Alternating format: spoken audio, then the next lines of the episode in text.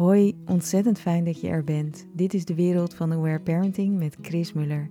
In deze podcast hebben we het over omgaan met kinderen vanuit verbinding en vertrouwen. En ook over hoe we liefdevol omgaan met onszelf. We laten perfectie buiten de deur en gaan hierin samen op een reis van ontdekking en groei.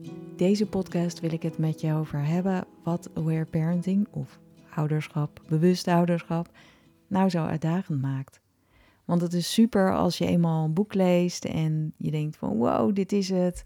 En je leest dan over hoe je kinderen in verbinding kan laten opgroeien. En dat allemaal zonder straffen, zonder belonen. En hoe je ze kan helpen in verbinding met zichzelf te blijven. Hoe Aleta Solte dat zo mooi ook beschrijft in haar babyboek. Hoe jong dat al kan. Hoe jong je kinderen kan helpen in verbinding te blijven met hun gevoel, hun behoeften, met hun grenzen, hun ja, hun nee hun verlangens. Ja, superleuk allemaal. Um, maar dat blijkt dus in de praktijk best uitdagend te zijn. En ja, we willen het vaak heel anders dan wij zijn opgevoed. Of dan ja, over het algemeen wordt verteld hoe je met kinderen omgaat. En we willen het heel graag anders doen. Um, en we willen graag anders met onze kinderen omgaan. Maar ja, er zijn wel wat dingen die dat uitdagend maken. En misschien herken je er wel een paar. En de eerste is natuurlijk tijd. Het gevoel dat er nooit genoeg uren in een dag zitten. Ja, dat, is, uh, dat geldt voor heel veel ouders. Er tegenwoordig zoveel van ouders verwacht wordt. En we vaak als kerngezin er alleen voor staan of gescheiden zijn.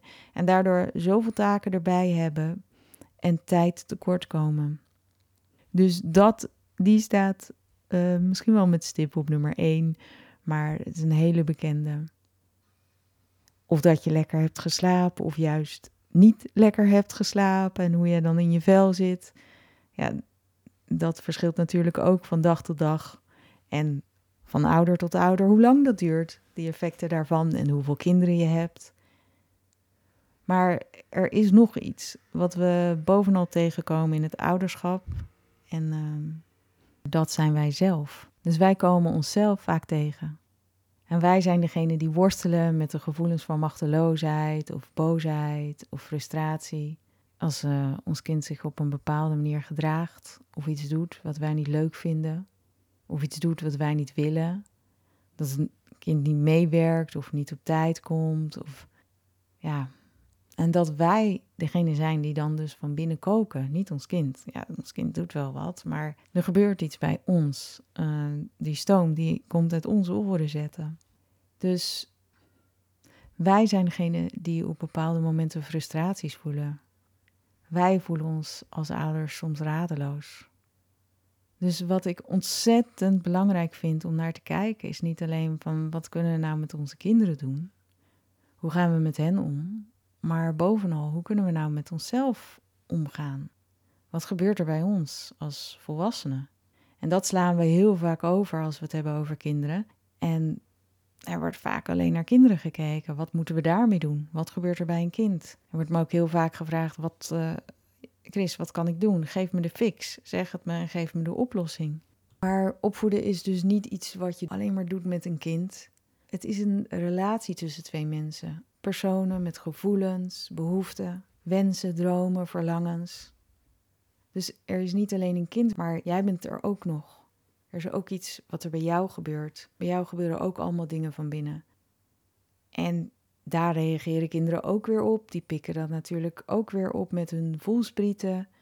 Die reageren op jouw stemming, dus of je schreeuwt of rustig praat.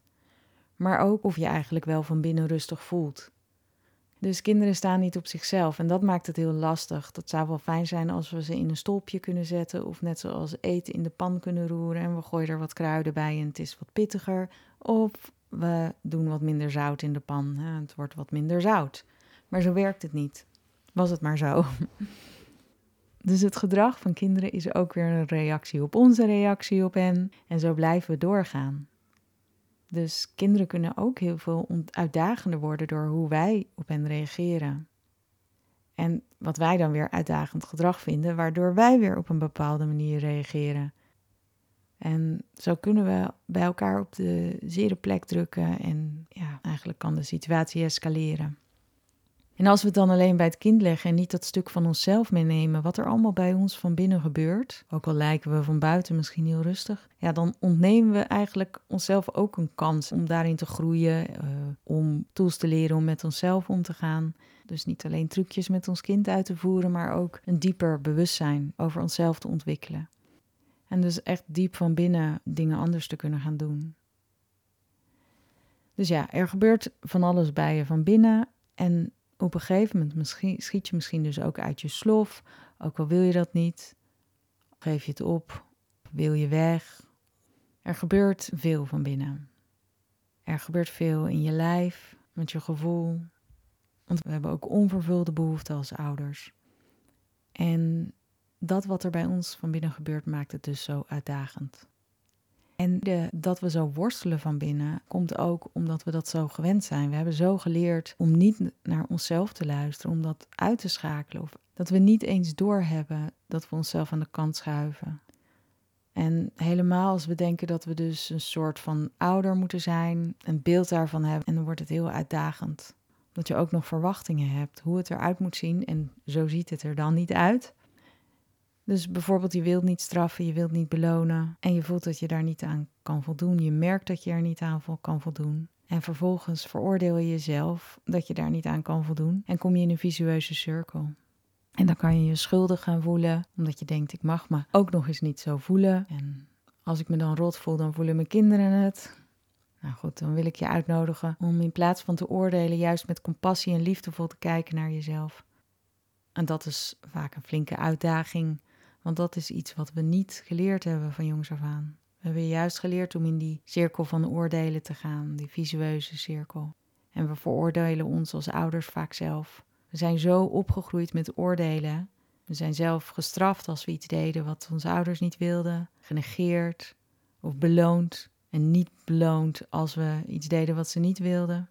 Dus we hebben zoveel oordelen meegekregen over wat goed is en wat niet goed is van onszelf. Die zitten zo in ons systeem dat we soms niet eens doorhebben dat we onszelf zo veroordelen. Terwijl we wel het effect ervan voelen, dus de frustratie, of ons heel klein voelen, niet adequaat voelen en ons continu veroordelen of af en toe veroordelen dat we geen goede ouder zijn. En dat kan zo in de weg zitten en dat kan het ook heel uitdagend maken. Maar het mooie van de aware parenting vind ik dat het ook betekent dat we onszelf zien in onze pijn en onszelf daarin ook leren omarmen.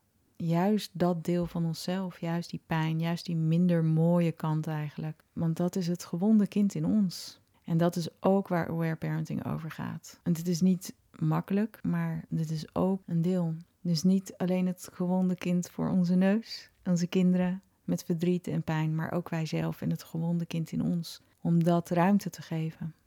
En als we dat geduld met onszelf kunnen opbrengen, de compassie en liefde, dan wordt het ook makkelijker om te zien dat ons gedrag eigenlijk ook een signaal is dat wij zelf iets nodig hebben, dat we zelf worstelen met gevoelens. Ja, en nogmaals, dat is iets wat we zelf als kind nauwelijks geleerd hebben, wat we niet meegekregen hebben, maar wat nu wel aandacht vraagt en wel gehoord wil worden. Dus we hebben wel een soort ideaalbeeld van hoe we het zouden willen, maar vaak hebben wij nog een gewond kind in ons wat ook meepraat. En we hebben zo nodig dat we ook genoeg ruimte scheppen voor wat wij nodig hebben en voor onze gevoelens. Dus de uitdaging is om ook liefdevol te kijken naar onszelf, ook in een worsteling. Wat leeft er in jou? Hoe voel je je? Is er iets wat jij liever wilt? Waar liggen jouw behoeften? Wat zijn jouw gevoelens? Wat heeft liefde nodig? Is er iets wat jij opzij zet? Omdat niet alleen je kind, maar ook jij geen robot bent, maar een levend wezen, um, maakt dat, het ook niet, dat er niet een kant-en-klare handleiding is die je standaard toe kan passen in elke situatie. Ook al willen sommige opvoed deskundigen je dat laten geloven. Dan zet je kind eerst een minuut in de time-out of laat je kind eerst een minuut huilen en daarna twee minuten. Maar we zijn levende wezens, dus er is niet een kant-en-klare handleiding en dat maakt het uitdagend. En aware parenting betekent dus ook dat we niet alleen naar de oorzaak van het gedrag van ons kind kijken, maar ook dus naar die oorzaak bij onszelf. En dat betekent dat we dus niet standaard reacties paraat hebben, maar kijken, bewust worden in een situatie wat er nodig is. En naar die blokkades en die worsteling in onszelf kijken, dat gaat dus, ja, dat gaat niet vanzelf. Verandert niet vanzelf. Dus je hoort ook wel eens, je moet je intuïtie volgen met het ouderschap. En dat komt allemaal wel vanzelf. Maar zoals Aleta Solter zegt, wat er vanzelf komt is hoe wij zelf zijn opgevoed. We hebben allerlei denkpatronen, gedragspatronen, overlevingsstrategieën ontwikkeld die wij hebben geleerd in onze kinderjaren. En vaak komen die, samen met de frustraties uit onze eigen kindertijd, dus van dat gewonde kind in ons, in ons ouderschap omhoog. Als onze kinderen dus bepaald gedrag vertonen of dingen doen ehm, ja, die wij lastig vinden, die wij uitdagend vinden.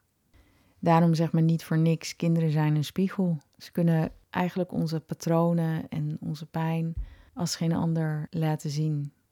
Daarom is het dus ook lastig om onze intuïtie te volgen, want die ligt daar onder bedolven. En soms denken we dat we dus onze intuïtie volgen, maar volgen we eigenlijk onze overlevingsstrategie of oude patronen of oude overtuigingen die we als kind gevormd hebben. Dus ook als we denken van goh, ik wil het op een andere manier doen dan ik ben opgevoed of wat gangbaar is en ik wil niet straffen, dan nog reageren, zeker onder stress, vaak volgens oude patronen. En dan komt die oude pijn omhoog. Ja, dat is dus een uitdaging om dan bewust te worden, om daarmee om te gaan. En ik zeg altijd, het is de snelweg, die patronen. We zijn immers sinds we kind zijn jaren gewend om op bepaalde manier dingen te doen. Dus die patronen die zijn zo ingesleten. En dat is de snelweg. Daar zit je zo op met 100 km per uur. En nieuwe patronen, daar moet je een nieuwe weg voor aanleggen. Dus het vergt bewuste aandacht om onze eigen patronen te weerleggen en te veranderen. Door te doorbreken, om eigenlijk van die snelweg af te gaan en een nieuwe weg te kiezen. En dat is iets wat we vaak niet zelf kunnen of alleen kunnen doen. En dat komt door onze eigen blinde vlekken.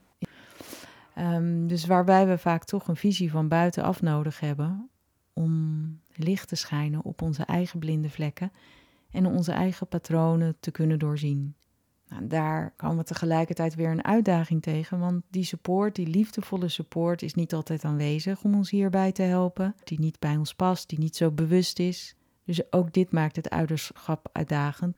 Zoveel meningen en opinies, kritische blikken, ongevraagde adviezen. Dus naast dat er niet de juiste fijne support is die aansluit bij ons, kan er ook nog ongevraagde support zijn of kritische blikken van onze omgeving, familie, vrienden, maar ook instanties zoals het consultatiebureau of school of personeel van het kinderdagverblijf. En die denken het vaak beter te weten, ook al is een visie wellicht ja, gedateerd en niet meer van nu, maar die kunnen toch kritiek leveren of adviezen geven en zeggen dat je het niet goed doet of anders moet doen.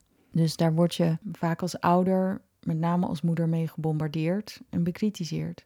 En mij gebeurt het ook. Al mijn kennis, al mijn ervaring wordt er soms ook verteld: dit is hoe je het moet doen en je doet het verkeerd terwijl het advies achterhaald is. Of gewoon mensen gewoon ja, niet begrijpen um, hoe aware parenting in elkaar steekt. En bijvoorbeeld een driftbui of een huilbui zien als slecht gedrag en uh, verwend gedrag. Terwijl ik op dat moment misschien aan het luisteren ben naar verdriet. En daar dus niet afkeurend op reageer, om maar een voorbeeld te noemen. En dat gebeurt niet alleen door mensen die zich experts zijn maar ook door mensen die nooit een ouderschapsboek hebben opengeslagen. Dus om dan dus stevig in je schoenen te staan en op jezelf te vertrouwen is ook een uitdaging. En dan helpt het ook als je bewust bent van wat je aan het doen bent en waarom je de dingen doet. Maar die kritiek van buitenaf of die kritische blik, ja, die maakt het wel stressvoller en uitdagender.